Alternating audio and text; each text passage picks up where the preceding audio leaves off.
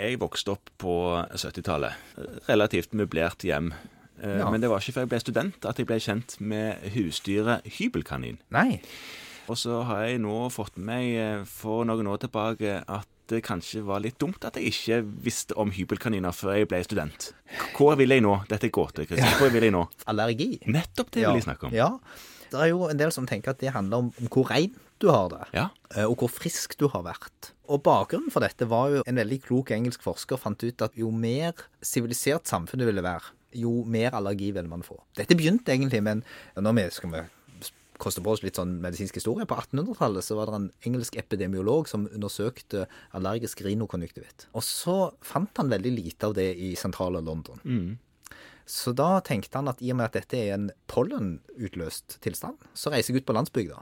For der må det jo være mye mer. Mye mer må det være. Og til sin forbløffelse fant han mye mindre. Ja. Og han konkluderte da i et skriv som er fra midten av 1800-tallet med at jo mer sivilisert samfunnet blir, jo mer allergi vil man få. Jo mer allergi vil man få. Ja. Hvilket jo er en enormt presis beskrivelse av samfunnet ca. 200 år etterpå. Helt sant. Det har da leda til det som heter hygienehypotesen. Det sammen med kunnskapen om at barn som er sist i en stor søskenflokk, er mindre allergiske enn de som er først. Så alle som har barn, vet jo det at eh, man koker jo smokk og alt som skal i nærheten av dette avkommet ved førstemann. Og på sistemann, hvis man er tre, fire, femte, kanskje hjul på vogna, Ja. så er det så vidt man eh, får eh, børste av driten før man får den i kjeften. Ja. Og det som det viser seg, er at dette har nok ikke med skitt å gjøre. Men det har med et veldig vanskelig begrep som heter biodiversitet. Ja, det er jo ikke i folkemunne, Nei. egentlig. Eh, Og det handler om hvor mange forskjellige mikroorganismer man blir utsatt for.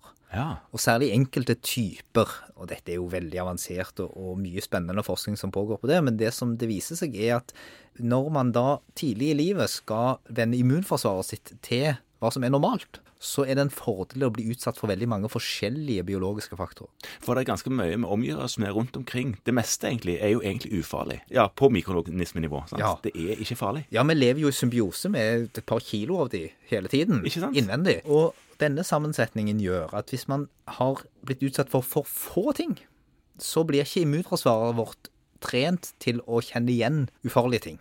De tror at alt er farlig, for de har ikke vært utsatt for noen ting før. Livsfarlig. Må kjøre i gang med Ja. en eller annen respons. Det er litt sånn som at hvis man aldri har vært ute i verden, så tenker man at alt som er fremmed, er farlig. Og sånn er immunforsvaret vårt. Så derfor så er det sånn at hvis man f.eks. bor på gård, husdyr er mye mer effektivt til å forebygge allergi enn kjæledyr. At Hvis du skal ha kjæledyr, så bør du helst ha gris. Ja, Ja. ja det, er jo, det er jo ikke klassikeren, men jeg har sett det enkelte ganger. Ja, og det er nok mer allergivennlig enn en del andre ting. Ok. Eh, Så blir man utsatt for en større mikroflora, og har dermed mindre utvikling av allergi. Ja. Eh, Og det er ganske spennende. Så det det handler egentlig ikke om renhet, men det handler altså om variasjon.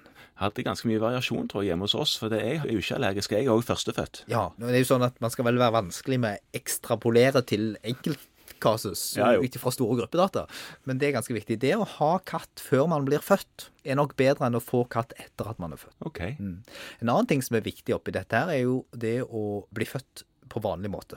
Ja, igjen er det greit å være født vaginalt, da, og Ja. ikke tatt med keisersnitt. Fordi at når man blir født vaginalt, så blir man da klemt ut i en haug av mors naturlige bioflora.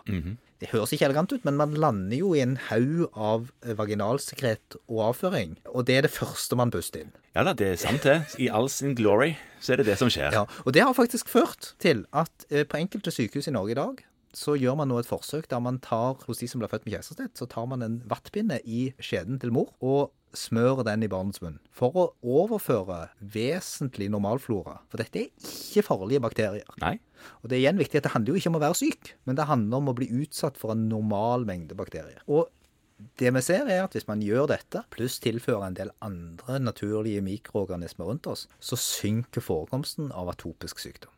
Både astma, allergi og eksem. Men dette er en hypotese. Man vet jo ikke nøyaktig hva, man bare ser at det er en sammenheng. Man ser at det er en betydelig sammenheng. Ja. Finnene har jo dratt det langt. vet du. De sier jo det at i sine allergiretningslinjer så sier de at man bør bo på gård. Ja, men- Litt vanskelig å gjennomføre i sentralt i store byer, men de tar jo konsekvensen av det. Ja.